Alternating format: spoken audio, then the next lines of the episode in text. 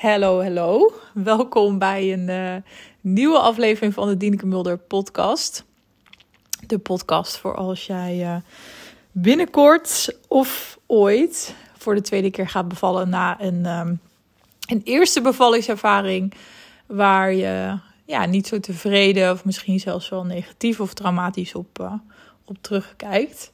Het is even geleden dat ik zelf een podcast heb opgenomen. En dus, dus ik moet zeggen dat het ook weer even heel gek is um, om een podcast op te nemen of zo, omdat het zo lang geleden is. Um, terwijl ik heb echt een hele tijd wekelijks uh, zelf um, afleveringen opgenomen. Zoals je misschien weet is mijn podcast een combinatie geworden van afleveringen die ik zelf opneem en interviews die ik doe. En ik ben op dit moment zwanger van mijn tweede kindje. Um, en uh, dat is uh, voor, mij, voor mij ook heel bijzonder. Sowieso om, om weer zwanger te zijn vind ik super bijzonder. En de weg naar naartoe was lang voor ons. Dat heb ik wel eens in een eerdere aflevering gedeeld. Um, maar het is ook heel ja, bijzonder en intens. En ook wel een beetje gek om, um, ja, om ruim vier jaar later weer in het hele proces te zitten naar mijn bevalling toe.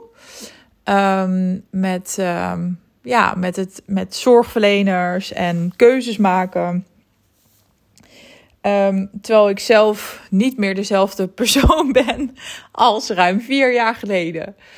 En uh, ik ben op dit moment trouwens 17 weken zwanger. En ik heb zoveel te vertellen trouwens in deze aflevering. Ik ga proberen het een beetje kort te houden. En ik heb ook, um, er staan ook nog wat andere afleveringen op de planning. Sowieso voor komende week. Ik ga proberen om er weer een beetje ritme in te krijgen. Um, in het opnemen van podcast. Want ik vind het ook heel leuk om te doen. En, um, en ik denk ook wel dat het waardevol kon zijn dat ik mijn eigen reis, mijn eigen proces hierin uh, deel. Hoe het is voor mij, zeg maar, voor de tweede keer zwanger te zijn en uh, voor de tweede keer te gaan bevallen. Na mijn eerste, na mijn eerste ervaring. Um, maar ik ben dus op dit moment 17 weken zwanger. En mijn eerste trimester was best wel pittig. Ik was heel moe. Ik had nergens zin in. Echt gewoon nergens. Ik had gewoon wel mijn werk, zeg maar. Maar ik had gewoon zo geen puff, geen energie eigenlijk wat ik het liefste wilde was gewoon de hele dag in bed of op de bank liggen. Dus zodra dat kon, deed ik dat ook. Ik heb wel, vind ik, daar ben ik wel trots op, wel goed naar mijn lichaam geluisterd. Wat ik totaal de eerste keer niet deed. Um, maar nu, omdat ik mezelf beter ken en heel veel, um, heel veel stappen hierin heb gemaakt. Heel veel innerlijk werk ook heb gedaan in de zin van um, luisteren naar mijn lichaam, luisteren naar mijn gevoel. Uh, meer in contact zijn, zeg maar, met mezelf. Um, merk ik dat het me echt veel beter afgaat om nu, um, ja, um, te luisteren, zeg maar, wat mijn lichaam aangeeft en wat, wat het nodig heeft, waar het behoefte aan heeft. Is dat altijd heel makkelijk? Nee. Ik vond het ook echt wel moeilijk en frustrerend. Ik moet zeggen dat ik het ook niet heel leuk vond om zwanger te zijn het eerste trimester. Um, wel leuk in de zin van dat ik hartstikke blij ben dat ik weer zwanger ben. Maar echt het, weer het lichamelijke, dus heel misselijk zijn, elke dag overgeven, super moe zijn, gewoon nergens energie voor hebben, vond ik echt heel pittig. En aan de ene kant wist ik, oké, dit is tijdelijk. Want bij Daniel had ik wel echt een stuk minder, maar daar um, was het rond 15, 16 weken was, ging het echt al veel beter. Dus dat had ik ook steeds in mijn hoofd. Maar alsnog voelt het gewoon zo uitzichtloos. En als je dan nog midden in dat eerste trimester zit, dan denk je echt, nou, ik ga me echt voor de rest van mijn leven zo voelen. Zo voelde het een beetje. Dus ik, ik, ja, ik vond het heel uitzichtloos, werd er heel moedeloos van. Uh, want normaal ben ik iemand die gewoon mega veel energie heeft. En die heel veel doet op een dag. Um, en ja, dat is ook wel een beetje een soort van onderdeel van mijn identiteit. Dat is wie ik ben. En als dat opeens niet meer zo is, dan ja, dat vond ik heel lastig. Ik had ook best wel last. Dus aan de ene kant probeerde ik heel goed naar mijn lichaam te luisteren. Maar aan de andere kant was er ook steeds een stemmetje van: ja, ben je niet gewoon aan het aanstellen? Ehm, er zijn vrouwen die het veel zwaarder hebben, die echt de hele dag overgeven. Nou, een beetje dat stemmetje. Ehm, dus soms had ik ook wel twijfel dat ik dacht: van, ja, zit, zit ik nou, zit ik me gewoon niet aan te stellen? Moet ik mezelf niet gewoon niet de schop onder mijn kont geven? Ehm, want ik voelde me gewoon zo lamlendig. Ik had gewoon alleen maar zin. Het liefst dus wilde ik gewoon de hele dag in bed liggen, series kijken. Terwijl dat, ik kijk wel eens een serie, maar hoeveel series ik de afgelopen week heb gekeken, dat is echt niet normaal. Dat is echt niet wat ik in wat ik in het dagelijks leven doe.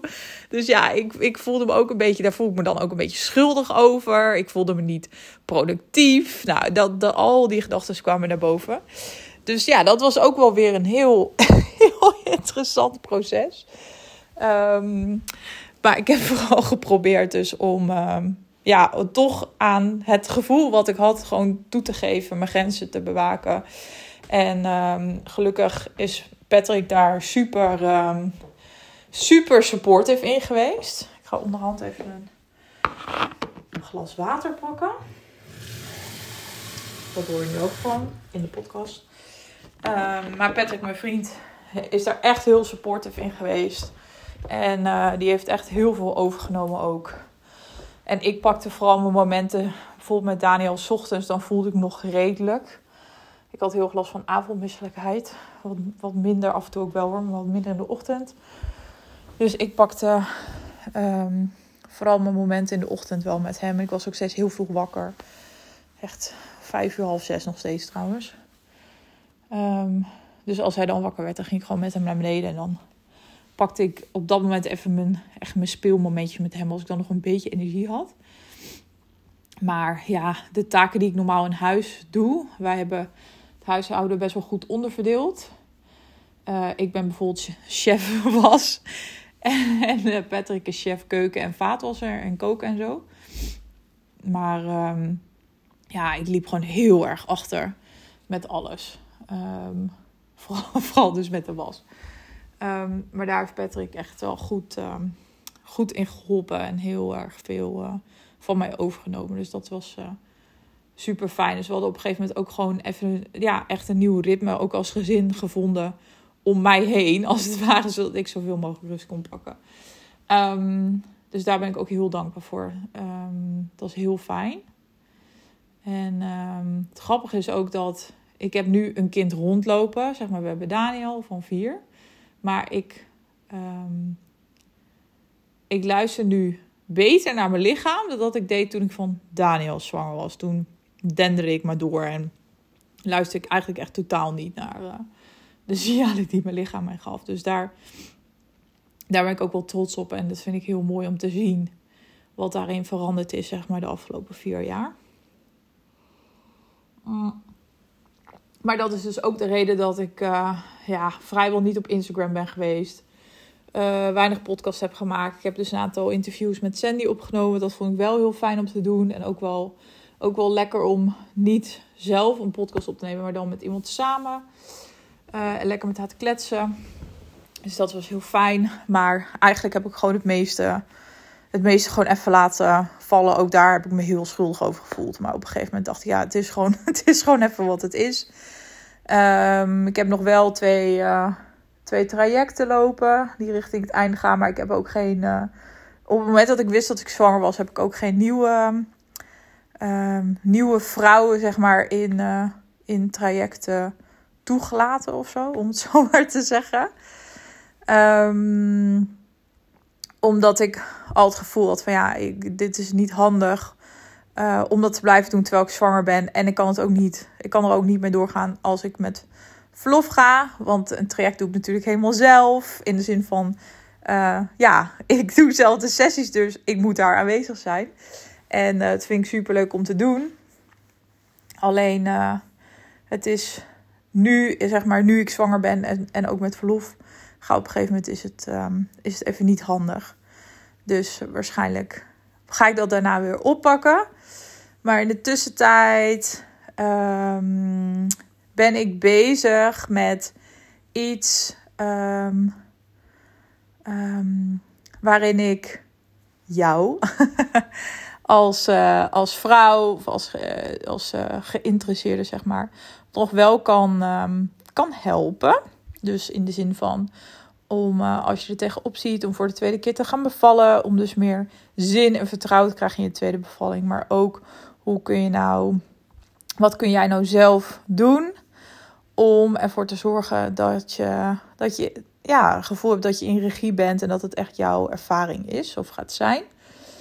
Um, en daarvoor ben ik bezig met een online training. Dus echt iets wat je zelf kunt volgen in je eigen tijd.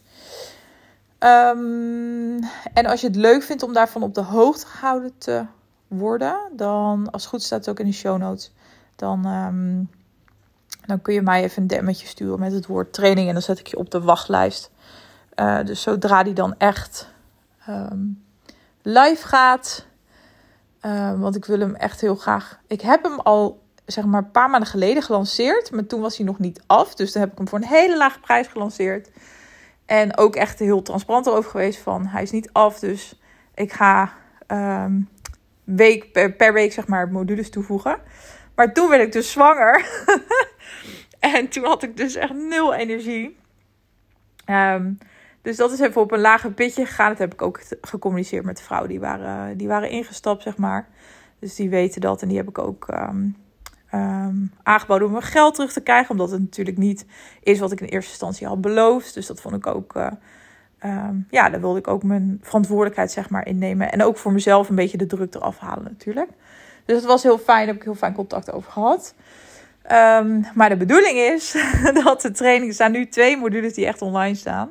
Die beschikbaar zijn, zeg maar. Maar dat er meer modules bij komen. Dat het echt een complete training wordt. En dan, um, dan wil ik hem ook gaan aanbieden. Maar goed, dus mocht je daar interesse in hebben, dan, uh, dan mag je mij een, uh, een DM'tje sturen. Gewoon via Instagram. Met het woord training of een ander berichtje mag natuurlijk ook. En dan zorg ik dat je op de wachtlijst komt. En dat um, je als eerste op de hoogte wordt gesteld. Als, um, als hij live gaat, zeg maar. dus als je, als je kan instappen. Dus dat. Um, en de aflevering van vandaag, deze podcastaflevering, um, die gaat over mijn eigen proces. Dus waar ga ik het vandaag over hebben? Mijn eigen proces in, um, in relatie tot mijn verloskundige praktijk. En ik heb heel erg overlopen twijfelen van Ga ik dit nu al delen? Want ik zit er nu zeg maar middenin. Of ga ik ermee wachten en ga ik dit allemaal pas delen na mijn bevalling? Maar ik heb toch besloten, ik zal niet 100% alles gaan delen, maar ik heb toch besloten om, um, om daar toch nu al dingen over te gaan delen. Eén, omdat ik het heel fijn vind als een soort van dagboek voor mezelf, heel eerlijk gezegd. Um, en dat is toch anders dan dat je het een paar maanden later, zeg maar, gaat. Uh, een, een, dat ik een podcastaflevering over zou maken. Want nu is het heel, uh, ja, heel actueel. Want ik zit er middenin. Ik ben zwanger en ik heb gesprekken, zeg maar, met een verloskundige praktijk. Mm. En ik denk ook dat het waardevol kan zijn voor, uh, voor jou als luisteraar. Voor um, als jij dus iemand bent die, die ook zwanger is, bijvoorbeeld van een tweede kindje. Of um, de wens heeft voor een tweede kindje. En dus uh, ja, voor de tweede keer um, gaat bevallen. En um, ja, en daar ook benieuwd naar is van uh, hoe is dat nou om weer dat proces in te gaan met een zorgverlener en dergelijke. Uh, dus ik heb toch besloten om, um, ja, om daar wat meer over te gaan delen. Voor mezelf, maar ook natuurlijk voor jou als luisteraar. En in de hoop dat het ja, dat het waardevol voor je is. Dus um, je mag me ook gerust berichtjes hierover sturen via Instagram. Mocht je na deze aflevering, naar aanleiding van deze aflevering, nog meer vragen hebben, stuur ze gerust. En dan kan ik kijken of ik daar misschien nog een andere aflevering over kan maken. Dus um, ja, schroom vooral niet om dat te doen. Even kijken. Misschien wat achtergrondinformatie, want ik heb in mijn eigen podcast ik ben dus heel snel buiten adem. Heel irritant. maar normaal heb ik best wel een goede conditie. Maar nu ik zwanger ben, is het echt, uh, echt belabberd. Vooral door het eerste trimester. Ik hoop dat het weer een beetje op gaat bouwen straks. Mm. Dus soms als je me een beetje zo heftig hoort ademhalen, dan weet je dat het daardoor komt. Oké, anyway. Uh, ik heb volgens mij nog niet eerder gedeeld in mijn podcast over ehm, deze zwangerschap en ook het, het zoeken naar een passende zorgverlener en een verloskundige praktijk. Dus ik denk dat ik even bij het begin begin. Uh, ik heb wel al een aflevering gemaakt over um, mijn kraamzorg. Wel, welke keuzes ik daarin heb gemaakt. Maar volgens mij heb ik nog niet heel veel verteld over, uh, over de keuzes voor, uh, voor, een, voor een verloskundige praktijk. Um, wat goed is om te benoemen trouwens als eerste is dat ik heb geen medische indicatie. Naar aanleiding van, um, van mijn eerste bevalling. Uh, daar ben ik stiekem heel blij mee. Um, uh, want anders ja, dan zit je weer even een soort van next level in een ander pakket. Dus stel je voor dat je. Uh, bij mij was er bijvoorbeeld echt, mijn bevalling duurde heel lang. En er is echt wel, zijn echt gesprekken geweest op het einde over gaan we een keizersnede doen of niet. Uiteindelijk ben ik vaginaal bevallen. Uh, met behulp van een, van een kiwi met een vacuümpomp. En, en ik had dus een, een tweede graad structuur. En in eerste instantie um, was ik er allemaal best wel boos over toen ik net bevallen was. En was ik eigenlijk best wel boos dat ze mij zo lang een soort van hadden laten creperen voor mijn gevoel. En dat ik echt dacht, waarom heb ik niet eerder die keisnede gekregen? Maar nu inmiddels vier jaar later, nee, dat kwam wel wat eerder, ben ik stiekem, om heel eerlijk te zijn, um, best wel een beetje blij dat ik vaginaal ben bevallen. Um, omdat dat toch betekent dat ik niet um, ja, op dit moment ook nog eens zou moeten nadenken over. Uh, nou ja, dan heb je dus al medische indicatie, maar ook, ja, mijn wens is um, wederom om thuis te bevallen. Uh, dus dan heb, moet je al dat hele gesprek houden over ga ik vaginaal bevallen of met een keizersnede. Nou, en als je dan ook nog eens thuis wil bevallen, dat, nou, dat, daar, dat is helemaal lastig. Nou, begint het volgens mij wel um, iets te veranderen, zeg maar. Zijn er ook steeds meer, dacht ik, eerstlijnsvolkskundigen die je daarin willen begeleiden. Maar goed. Um, dus dat is een beetje wat ik hierin heb ervaren. En dat ik dus nu best wel blij ben, hoe gek dat ook klinkt. Want ik snap dat dat misschien ook een beetje gek klinkt als je dus wel die medische indicatie hebt. Maar dit is dus puur even vanuit mijn eigen, ja, mijn eigen perspectief en ervaring hierin. Um, maar in die zin begin ik dus eigenlijk een soort van blanco weer aan de tweede, tweede uh, zwangerschap. Dus geen medische indicaties. Ik heb niet. Uh, mijn placenta kwam gelukkig gewoon snel los vorige keer. Geen, geen overmatig veel bloed verloren en dergelijke. Dus, um, dus daar ben ik uiteindelijk.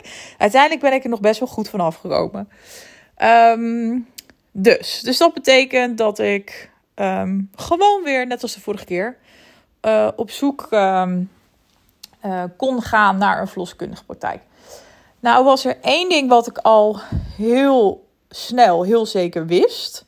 En dan bedoel ik al heel snel na mijn eerste bevalling.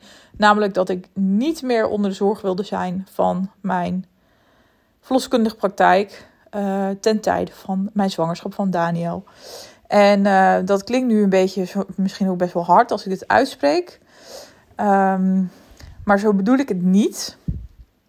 Want ik denk dat ik heb ook uiteindelijk een heel fijn gesprek met ze gehad. En um, het zijn ook echt geen. Uh, het zijn echt hartstikke lieve zorgverleners. Um, die echt alles met de beste bedoelingen hebben gedaan. Uh, daar ben ik van overtuigd. Um, en ik heb mezelf de afgelopen vier jaar heel goed leren kennen.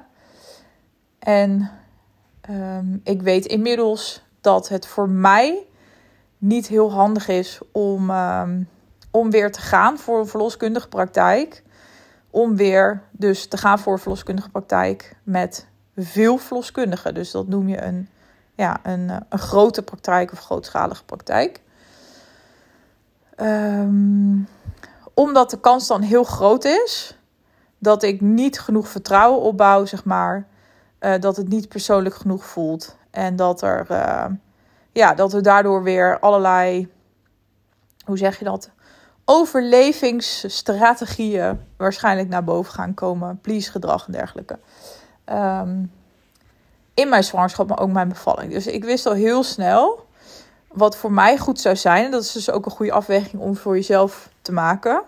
Dus hier, zijn ook hier is ook onderzoek naar gedaan, wetenschappelijk onderzoek naar uh, wat het effect is van um, um, het krijgen van zorg van uh, een caseload-verloskundige, bijvoorbeeld. Dus iemand die echt één op één werkt, ten opzichte van een grote praktijk. En je ziet ook dat hoe meer jij een vertrouwensband opbouwt, en dat, dat gaat echt beter met iemand waarvan je weet, oké, dit gaat ze zijn. In plaats van, ik zat bij een praktijk volgens mij met vijf of zes verloskundigen.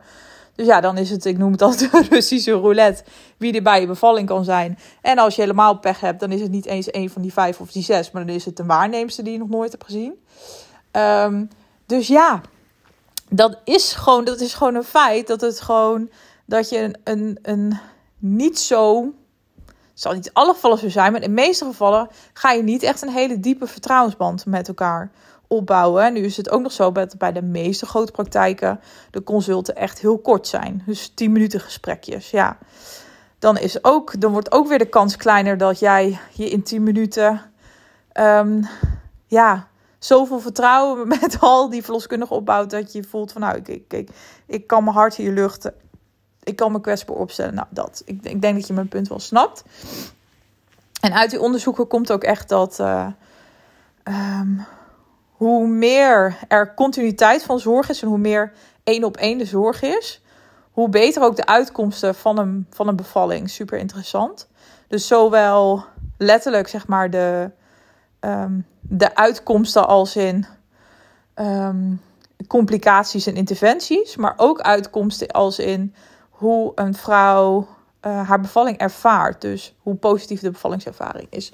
Dus hoe meer continuïteit, hoe meer één op één zorg is, hoe uh, beter dat is qua uitkomsten en qua ervaring. Dus dat is echt heel interessant. Um, maar alsnog is het natuurlijk goed om gewoon bij jezelf eens um, te voelen, na te gaan. En ook op basis, als je dus al een keer bevallen bent, dan kan je die ervaring natuurlijk super goed gebruiken om eens bij jezelf na te gaan van uh, wat zou bij mij passen? Wie ben ik en waar heb ik behoefte aan? Wat past daarbij? Nou, ik wist al heel snel. Eigenlijk wilde ik het allerliefst, wat ik al heel snel wist, is dat ik graag een caseload verloskundige wilde. Dus caseload is echt iemand die um, haar eigen caseload heeft. Dus slechts een aantal vrouwen per jaar begeleidt. Maar dat betekent ook dat je dus heel intensief contact met jouw verloskundige opbouwt. Je weet, zij gaat het zijn tenzij ze doodziek is, een been breekt, nou, whatever. Uh, iets, iets heel heftigs. en dan uh, heeft elke caseload verloskundige volgens mij een soort van um, iemand die het dan van haar kan overnemen. Um, maar dat alleen al, dus dat je weet, oké, zij wordt het sowieso. En er is een kleine kans dat haar um, achterwacht, noem ik het even, het overneemt. Dus dat zijn soort van twee kansen. Ja, dat is al een stuk persoonlijker dan een praktijk waar je vijf verloskundigen hebt met nog drie achterwacht. Om even te make my point. Um, dus ik wist eigenlijk al heel snel, oké, de volgende keer wil ik echt heel graag een caseload Um, nou is het zo dat er in de afgelopen vier jaar nogal veel is gebeurd in geboorteland. En dan vooral binnen ons geboortezorgsysteem. Um, er is namelijk nogal wat aan de hand. In de zin van, even kijken hoe, of ik het goed kan uitleggen. Er is een soort van revolutie aan de gang. ik denk dat dat het juiste woord is. En um, wat ik daarmee wil zeggen is dat vrouwen zijn veel bewuster. Uh, heel veel vrouwen zijn veel bewuster en zijn veel meer eigen keuzes gaan maken, zeg maar. We, er is een soort van nieuwe generatie vrouwen, denk ik, die niet zomaar blind volgt wat de dokter zegt. Ik denk dat de generatie voor ons nog best wel um, zorgverleners in zijn algemeenheid en niet alleen verloskundigen, maar best op een voetstuk had staan. En onze generatie, ik, onze generatie, ik ben 34, de, ik noem het even de millennial, um, die staat daar net wat anders in. Dat geldt niet voor elke vrouw, maar er is echt een hele grote beweging gaande uh, van vrouwen die um, veel bewuster zijn geworden, zelf zijn gaan nadenken, niet blind alle protocollen opvolgen. Um, en um, ook ja, wat kritischer daarin zijn geworden. En daardoor is er ook een andere behoefte ont uh, gaan ontstaan in zorgverleningsland. Dus je merkt dat de behoefte aan meer caseloadverloskundigen toeneemt. Alleen er zijn te weinig caseloadverloskundigen op dit moment om aan die behoefte te voldoen. Um, dus dat, dat is heel interessant om te zien, die beweging. Daarnaast is er ook een soort van tegenbeweging gaande. Um, niet bewust, denk ik, maar zo werkt dat nou eenmaal. Met dit soort uh, ja, processen, denk ik. En die, die tegenbeweging is dat, um, dat bevallingen, dat het steeds medischer wordt. Er zijn, komen steeds meer ja, een soort van protocollen weer uitgebreid. Uh, ook als je naar de cijfers kijkt, zeg maar de uh, Perinet, dat volgens mij, die houdt elk jaar de cijfers bij. Je ziet ook dat het percentage keizersneden toeneemt. Het percentage vrouwen um, die zich laat inleiden. Dus die beweging is ook gaande. En blijkbaar is het voor um, verloskundigen, vooral eerstlijns verloskundigen, soms ook best wel lastig om daar tussen te werken. Dus aan de ene kant heb je het medische stuk, wat aan je trekt en wat van je verwacht, wat belangen heeft en wat van je verwacht, volgens mij van. Um, dat je houdt aan de protocollen en richtlijnen. En aan de andere kant heb je vrouwen, zoals ik bijvoorbeeld, die best wel kritisch zijn. Veel lezen, veel zelf onderzoeken, vragen stellen, dingen weigeren, andere verzoeken hebben, zorgvragen bij de richtlijnen. Dus dat is best wel. Ja, ik kan me voorstellen als zorgverlener dat dat soms heel, heel lastig is. En mede daardoor, ik hoop dat ik het goed uitleg, maar één, en dat is niet de reden, maar mede daardoor zijn er ook best wel wat caseloadverloskundigen gestopt de afgelopen jaren. Omdat het gewoon uh, steeds lastiger, zeg maar, voor ze werd. En sowieso, dat is ook wel goed om je te realiseren. Het voordeel van um, het werken in een grote praktijk als verloskundige is dat je backup hebt. Dus dat het met een, in een wat grotere praktijk is het ook makkelijker te combineren met je eigen leven. Veel verloskundigen zijn zelf ook moeder, hebben zelf ook een gezin.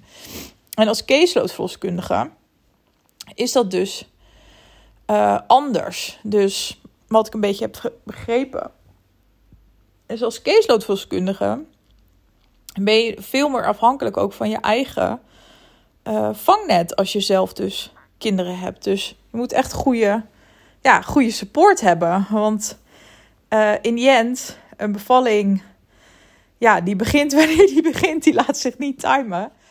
Um, dus dus je weet wel ongeveer een beetje de, de, time window waarin een vrouw uh, gaat bevallen. Alleen het precieze moment weet je nooit. Dus ja, als je gebeld wordt van... hey, wil je alsjeblieft naar me toe komen, want mijn bevalling is begonnen. Ja, dan, um, dan moet je wel met je, met je omgeving, met je hele support systeem dat, ja, dat kunnen regelen, weet je wel. Dus als je zelf kinderen hebt. Nou, dat. Um, dus er zijn best wel wat caseloadverloskundigen gestopt de afgelopen jaren. Nou wist ik, uh, want wij wonen in Haarlem, uh, dat er in Haarlem één caseloadverloskundige was. En toen ik erachter kwam dat ik zwanger was, dat was in. Wanneer was het nou? November? Ja, november volgens mij. Nee. Nee. Wanneer was het nou? ja, volgens mij eind november, begin december. Um, ja, dus ik kwam erachter. Dus ik dacht, oké, ik moet daar gelijk bellen. Want ik wist, oké, okay, als je dat wil. Ieder, heel veel vrouwen willen dit. Of iedereen wil dit en heel veel vrouwen willen dit. Dus ik moet snel bellen. Zodra ik weet dat ik zwanger ben, moet ik bellen. Dus ik ging gelijk haar website opzoeken. En tot mijn grote verbazing zag ik staan dat ze in februari 2024 met pensioen zou gaan. Dus ik baalde als een stekker. Ik heb er nog wel even gebeld om te checken of het echt waar was. En wel heel leuke gesprekken gehad. Maar uh, ze zei: nee, ik ga, ik ga er echt mee stoppen. Ik ga met pensioen. En helaas is er niemand die het over uh, kan of wil nemen. Dus, uh, dus dat was echt heel erg balen. Ik ben nog wel als een gek gaan googlen. Maar ik vond gewoon niemand. Um, niemand in de omgeving. Want in Amsterdam heb je een soort van caseload collectief. Alleen bijna allemaal werken ze in andere regio's, zeg maar. Dus niet, uh, niet specifiek in Amsterdam. Um, dus eigenlijk, ik heb echt een paar avonden suf gegoogeld. Um, maar eigenlijk kwam ik al heel snel achter fuck, ik ga, de kans is gewoon heel klein dat ik een caseloadvolkskundige hier in de buurt ga vinden. Uh, dus dat vond ik heel rot. Uh, maar toen dacht ik, ja, nou ja, dan moet ik gaan kijken voor de second best option. En dat is gewoon een kleinschalige verloskundige praktijk. Um, wat trouwens een hele fijne lijst is, die ik zelf ook heb gebruikt. Daarnaast ben ik ook nog gaan googlen, maar een hele fijne lijst is uh, de lijst van uh, vrije geboortes. Op de website van Vrije Geboorte staat een lijst met caseloadverloskundigen, maar dus ook heel kleinschalige praktijken. Dus de praktijk waar ik nu zit, staat er ook in. Um, en ik zit nu op dit moment bij een, uh, bij een kleinschalige praktijk, namelijk um, ze zijn met z'n tweeën. Maar ze hebben ook nog twee dames achterwacht. Um, dus dat is wel, uh, dat vind ik wel lastig. Maar ja, ik snap het ook, want deze twee verloskundigen hebben ook allebei kindjes, jonge kindjes. Um, dus ja, dat maakt het gewoon ook denk ik wat uitdagender.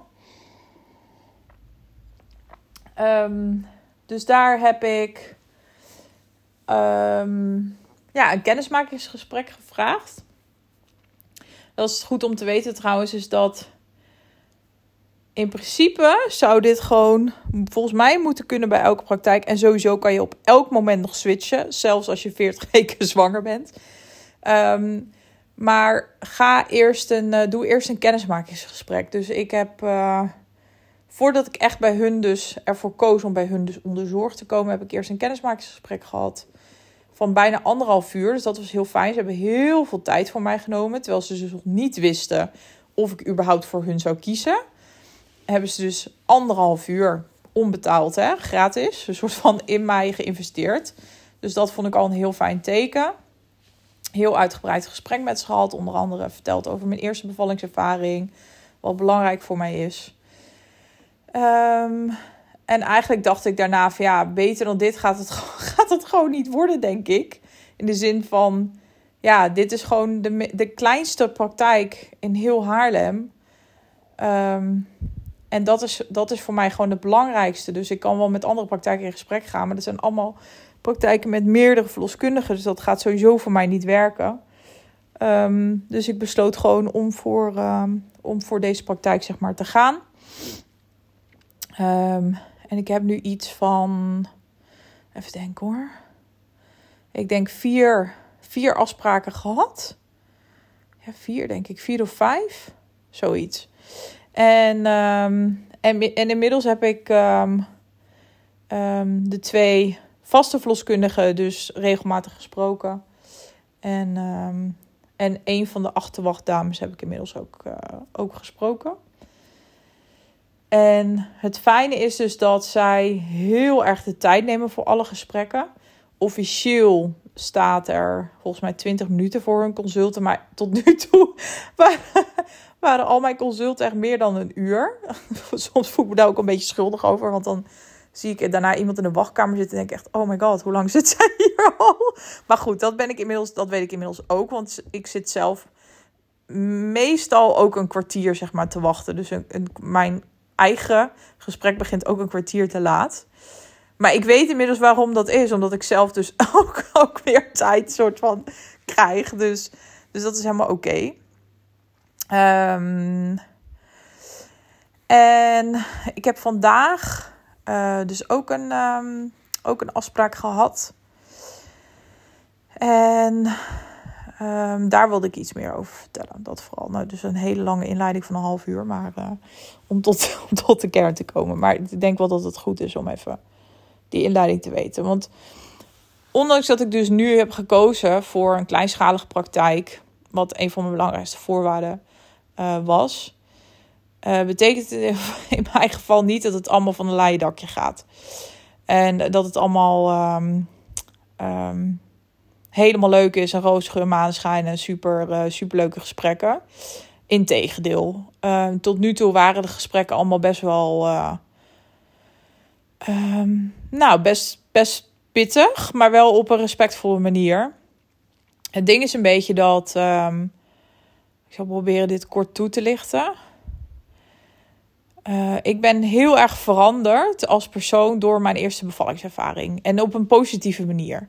Eigenlijk als ik het kort moet samenvatten, um, is alle patronen waar, waar, ik tot dat moment, dus tot die bevalling, eigenlijk nog in vast zat, vooral vanuit mijn kindertijd, zijn heel erg opengebroken door die bevalling. En ik geloof heel erg dat um, iedereen in zijn of haar leven op een gegeven moment op zo'n punt komt. Dat het gewoon.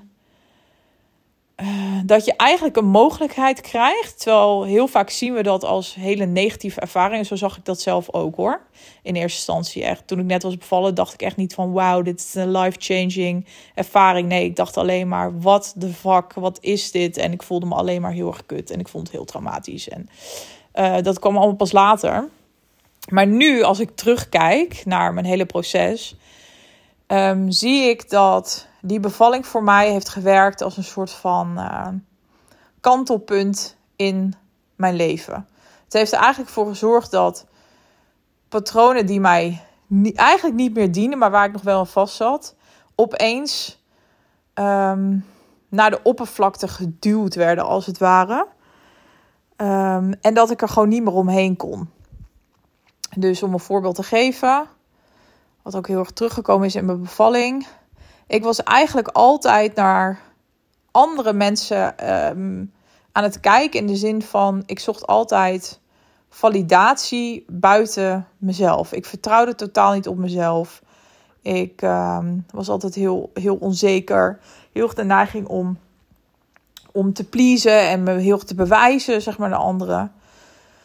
En uh, ik was eigenlijk totaal niet in connectie met, met mezelf, met mijn gevoel, met, met mijn intuïtie. Ik luisterde niet naar de signalen van mijn lichaam.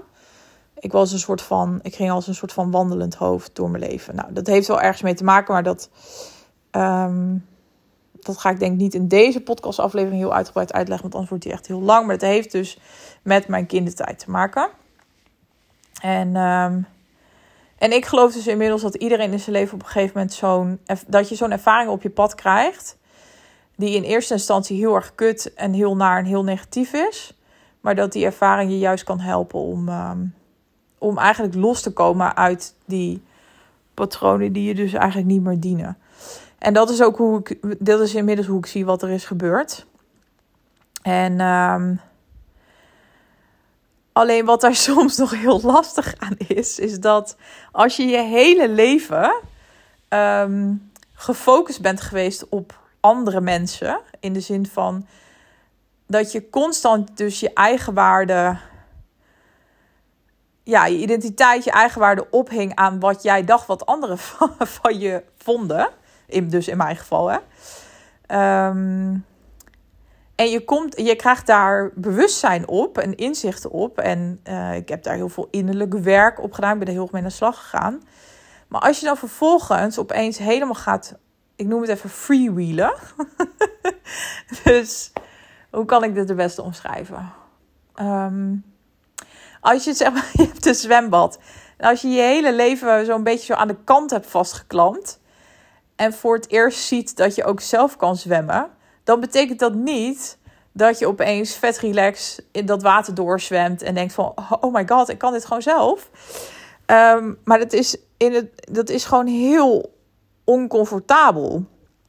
En hoe ik dat nu terugzie, en heel spannend en heel eng.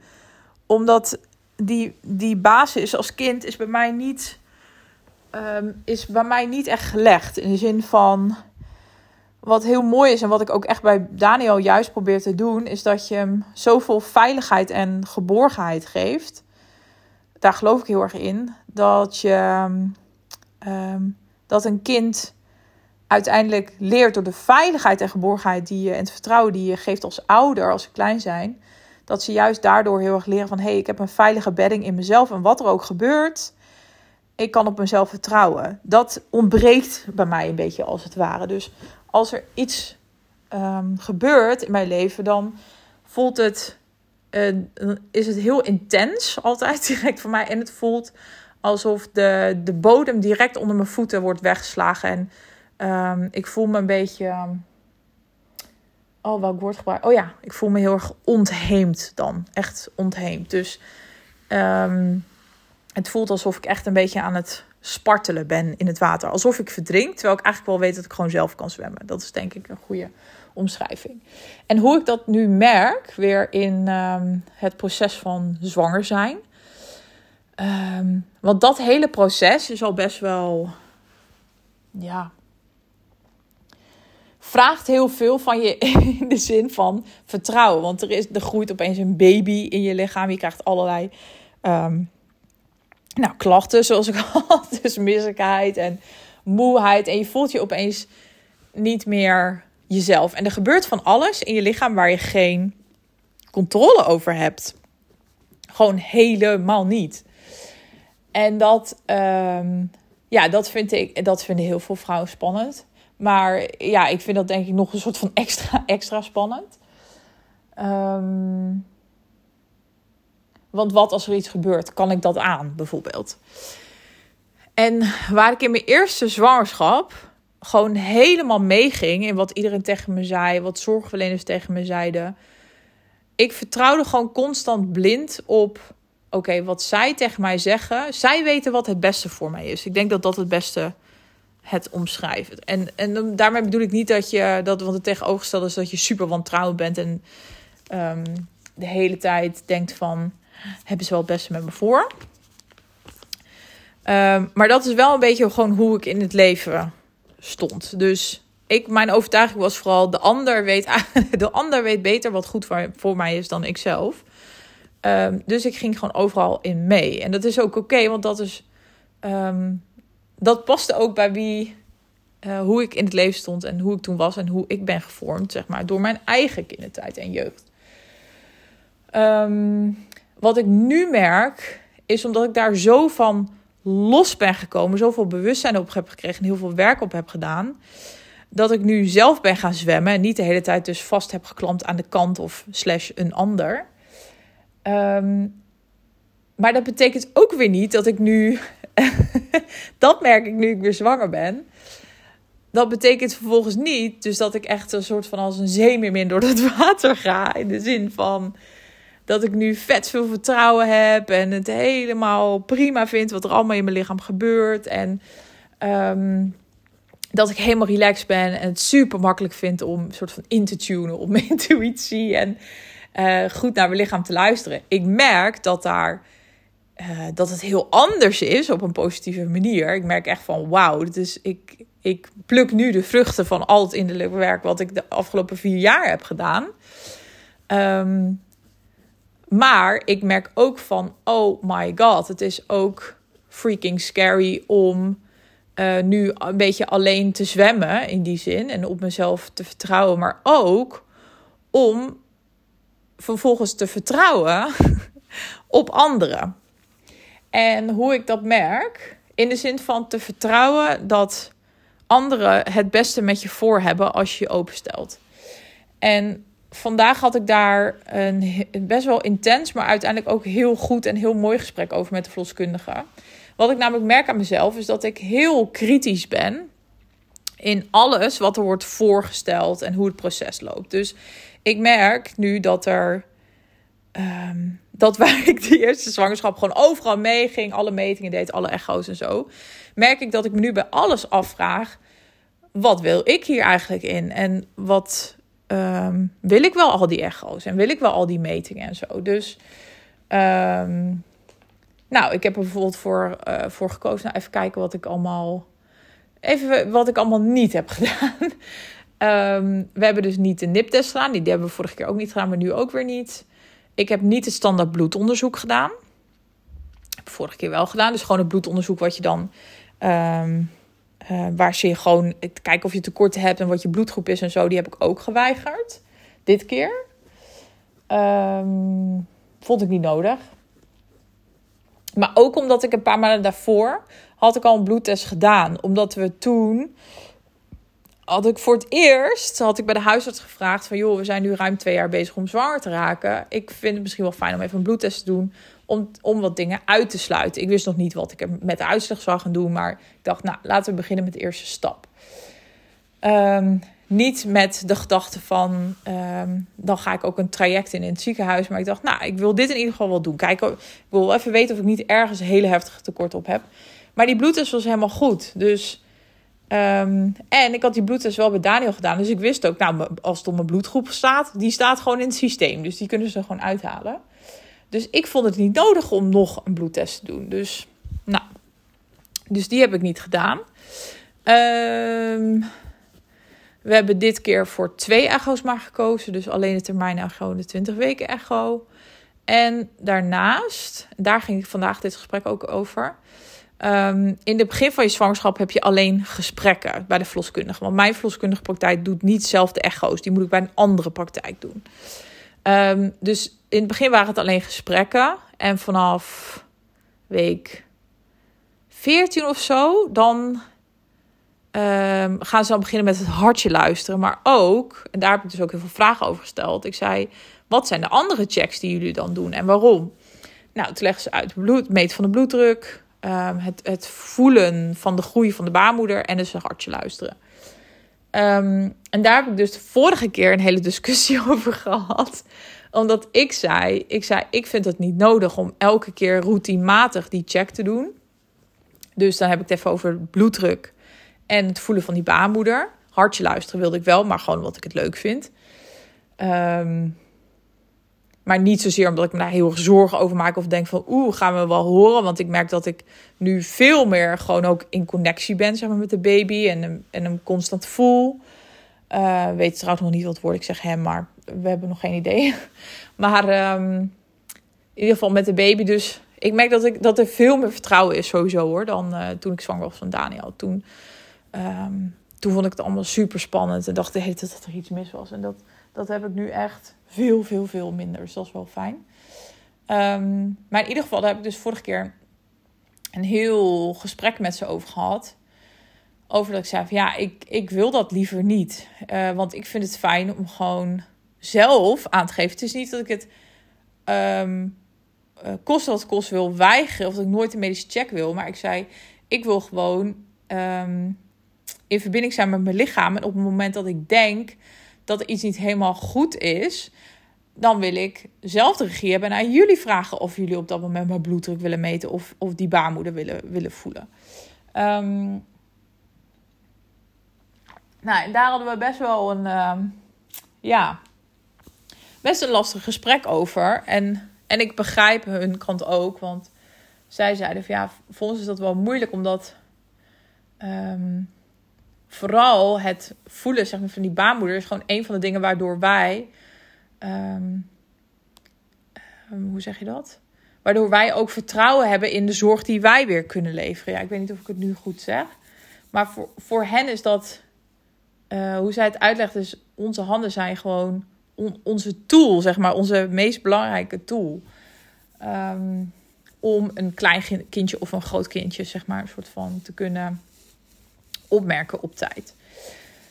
Nou, dus daar hebben we een heel gesprek over gehad, een hele discussie. Uh, vond ik best wel, best wel moeilijk.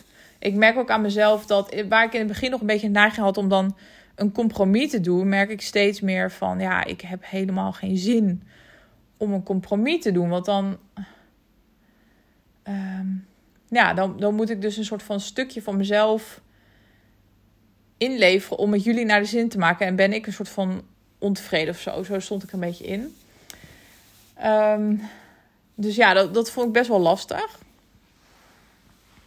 En ik merk ook dat ik getriggerd word door dan. Um, Want ik weet aan de ene kant dat elke keer als ik iets weiger, dan dat hoort gewoon bij de zorg. Moet de betreffende verloskundige met wie ik dan een gesprek heeft, moet ehm, vervolgens uitleggen wat de gevolgen daarvan kunnen zijn van mijn keuze. Dus die, moet, die heeft een soort van informatieplicht. Dus dat snap ik ook. Dus ze moeten mij informeren wat de voor- en nadelen van mijn keuzes zijn en wat eventuele gevolgen kunnen zijn. Nou, dat. Ehm, dus dat doen ze. Ehm, maar ik merk dat ik ook getriggerd word. Ik merk dat ik een soort van extra scherp ben ingesteld op van respecteert iemand mijn keuze? Of heb ik het idee dat ze me een soort van aan het overhalen zijn om toch iets anders te besluiten? En dat vind ik, uh, dat vind ik heel, heel lastig. Want ik merk dus dat ik daarin getriggerd word en dat ik, um, dat ik ook heel erg dan begin te denken van ja, vinden ze mij gewoon een soort van uh, gekke, gekke, rare vrouw? Dat ik al deze gekke verzoeken heb. dat vind ik dan heel moeilijk. Zeg maar, ik vind het moeilijk het idee dat iemand denkt dat ik niet goed bij mijn hoofd ben, ja, dat, dat triggert zeg maar heel veel. Misschien herken je dat wel. Ehm, dus dat speelde allemaal mee. Nou, dat gesprek is inmiddels, denk ik, twee of drie weken geleden. En vandaag had ik dus weer een nieuwe afspraak, weer met een andere verloskundige. En um, ja, en toen hadden we het er even over. Want elke keer als ik, als ik iets, iets weiger, dan hebben we daar een gesprek over. Maar dan gaan ze volgens het ook in hun kleine team, zeg maar, bespreken. En meestal krijg ik dan het gesprek daarna krijg ik dan een, terugkoppeling daarvan, wat ze daarvan vinden. Dus ik zei ook vandaag van, we hadden even in het begin een beetje over hoe ik me voelde. En daarna zei ik van, nou, ik ben heel benieuwd ook, ja, wat jullie hebben besproken in het team naar aanleiding van, uh, ja, mijn twee laatste verzoeken. En uiteindelijk hebben we best wel een, dus een intens, maar ook best wel goed gesprek gehad vandaag. En gingen we wat diepere laag in. En zij hielp mij ook. Deze verloskundige heeft mij er ook heel erg in geholpen. Wat ik heel mooi vond is dat. Ik vind namelijk dat het altijd je eigen verantwoordelijkheid is om dingen uit te spreken en je behoeftes aan te geven. En je ook soms dus kwetsbaar op te stellen. En het helpt heel erg als je iemand tegenover je hebt zitten die je daarin faciliteert, als je begrijpt wat ik bedoel. En wat zij heel mooi deed vandaag is dat. Um, in het begin ging het heel erg over mijn. En daar zal ik niet te veel over uitweiden. Maar het ging in ieder geval over een beetje de bovenste laag. En daarmee bedoel ik, ik ging dus uitleggen van waarom ik het liefst zo min mogelijk bloeddrukmetingen en, en baarmoedervoelmetingen wilde. Maar daarna gingen we een beetje de laag in die daaronder zit. Want zij stelde op een gegeven moment de vraag aan mij. Ze zei van ja, heb je wel vertrouwen in ons? Voel je, voel je vertrouwen? En toen zei ik, en dat was best wel kwetsbaar, maar ik dacht, ik moet nu gewoon eerlijk zijn. Want anders dan, dan komen we niet verder, zeg maar, in deze gesprekken. En toen zei ik, ik zeg, nou eerlijk gezegd, nog niet helemaal. Ik zei, het is niet dat ik helemaal geen vertrouwen in jullie heb. Um, maar 100% vertrouwen is het ook niet. Het zit een beetje in het midden. En ik zei, en ik denk waar dat vooral mee te maken heeft, is met mijn eerste ervaring, maar ook wel met um, wat gebeurt er als ik me dus kwetsbaar opstel, als ik me openstel, wordt er dan een soort van misbruik daarvan gemaakt. En in mijn geval zou dat dus zijn, daar heb ik het heel lang met haar over gehad vandaag. Ik zei, wat ik vooral lastig vind, dus aan de ene kant is de reden dat ik dit niet wil, is dat ik gewoon veel meer in connectie wil zijn met mijn eigen lichaam en de regie wil hebben. Um, maar ook wel merk ik dat ik een beetje bang ben als ik in al die checks meega. Dat ik constant, dat er constant iets wordt gedetecteerd. Bijvoorbeeld een kleine of een grote baby. En dat ik constant in discussies verzeld raak. Over extra echo's of eh, noem maar wat diabetes testen. Eh, wat ik overigens zou weigeren. Dat heb ik ook gezegd vandaag. Maar ik zei, en, en daar heb ik gewoon geen zin in om constant in discussies verzeld te raken. En eigenlijk was het heel goed dat ik dat uitsprak. Want daarna hadden we een heel mooi gesprek waarin ik alleen maar heb lopen janken trouwens. Dus ik heb me ook echt kwetsbaar opgesteld. En soms is dat ook wel goed om te kijken, wat is nou, wat is nou wat ik heel vaak zeg, de laag die eronder zit. Wat is nou echt de kern waarom je iets wel of niet wil? En heel vaak is dat niet in eerste instantie de eerste reden die je noemt, maar zit er vaak nog iets onder. En dat was dit dus bij mij. En juist doordat zij het gesprek met mij aanging, ik werd dus heel emotioneel. En dat, is, dat, dat vind ik aan de ene kant dan rot, want dat voelt heel kwetsbaar. Dat vind ik moeilijk. Maar aan de andere kant dacht ik ook van, oké, nee, dit is goed. Want blijkbaar um, hebben we samen de kern gevonden. Want er zit een emotie op die daarbij hoort. Dus dat is ook een goed teken. Dus wel even goed om je te realiseren dat het, het is niet slecht, zeg maar, als er emotie bij komt. En ik was eigenlijk wel blij mee dat het gebeurde vandaag. Want ik wist zelf eigenlijk ook niet zo goed dat dit eronder zat.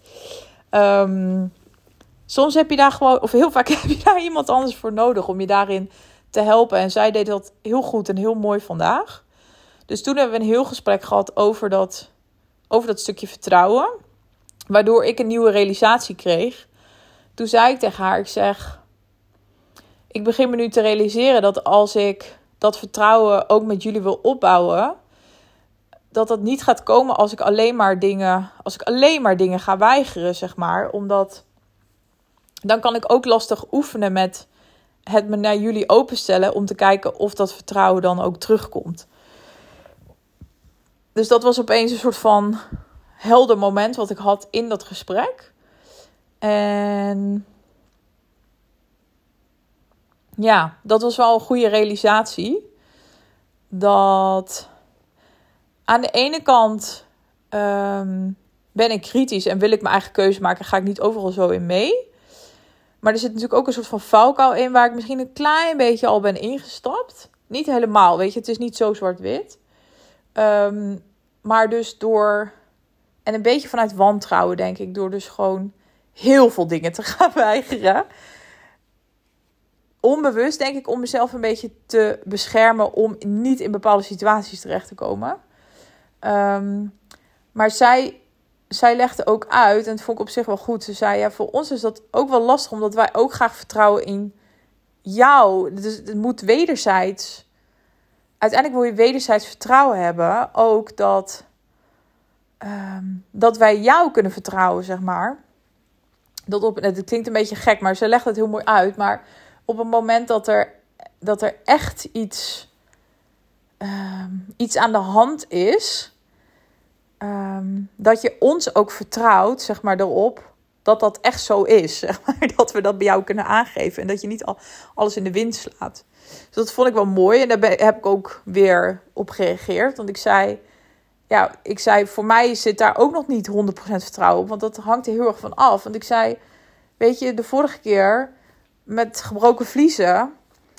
Um, werd er eigenlijk gedaan alsof er op dat moment iets heel ergs aan de hand was. Terwijl ik achteraf denk van ja, ik, ik had gewoon thuis willen blijven, prima thuis willen blijven. Nou neem ik vo volledige verantwoordelijkheid daar. Het is echt niet de schuld van de verloskundige. Maar ik merk wel dat dat meespeelt. Dus ik zei ook tegen haar van... Ja, het ligt er heel erg aan wat jij verstaat onder... Um, oh, welk woord gebruikte ze nou? Acute, volgens mij acute situatie. Want ik zei ja, 24 uur gebroken vliezen is voor mij, dus voor iedereen anders, ja, voor mij geen acute situatie. Uh, toen zei ze, ja, goed dat je dat benoemt. Ze zei, dus daar moeten we ook met elkaar over in gesprek gaan. Wat jouw definities en zo daarvan zijn. Nou, daar hadden we nog even kort over gehad. En toen zei ik aan het einde, ik zei, um, ik zei, ik vind het goed als we, als we af en toe gewoon, dus niet elke keer, maar gewoon af en toe even die, uh, dat jullie um, de groei van mijn baarmoeder voelen. En ik zei, dit voelt niet als een compromis voor mij, maar meer als een tool om me open te stellen om ook uh, naar richting jullie het vertrouwen. Um, om me open te stellen om ook ja, dat vertrouwen in jullie te krijgen, zeg maar. Ik hoop dat, dat je het nu snapt en dat ik het een beetje duidelijk uitleg. Um, dus uiteindelijk heel veel gejankt, heel veel gehuild. Maar het was een heel goed gesprek en ik ben blij dat het zo gegaan is. ik voelde me ook heel opgelucht daarna. En dat is voor mij ook altijd een goed teken dat ik denk: oké, dit was dus even de kern waar we toe moesten komen. En um, ja, en ik ging ook echt met een goed gevoel dat gesprek uit. Dus dat was heel fijn. En uh, ja, dat vond ik heel fijn. Dus dat is denk ik even het belangrijkste wat ik in deze podcast wil delen. Dus ehm, vooral over dat dat wederzijds ehm, vertrouwen, zeg maar beide kanten op, denk ik heel belangrijk is. Tussen jou en je zorgverlener. En dat het vooral, ehm, als daar ruimte voor is, hopelijk wel, ehm, dat het heel fijn is als je dus langere gesprekken kan hebben. Waarin je je zorgverlener gewoon goed leert kennen. Zij jou goed leren kennen. En je dus ook dit soort gesprekken kan hebben. Want heel veel van onze gesprekken zijn vooral over, eerlijk gezegd, over mij persoonlijk gegaan. Terwijl mijn eerste zwangerschap hadden we het alleen maar over, ja, voel je goed? Ja, ja, prima. Oké, nou gaan we even de bloeddruk meten. Dat was het. dus dit, dit voelt al zo anders. Ehm, dus ja, ja, dat wilde ik vandaag met je delen. Dus ik hoop dat het, uh, dat het waardevol is. Nogmaals, als je vragen hebt um, over deze podcast of iets wil delen, stuur me vooral even een berichtje via Instagram. En uh, ja, dankjewel voor het luisteren. En tot de volgende.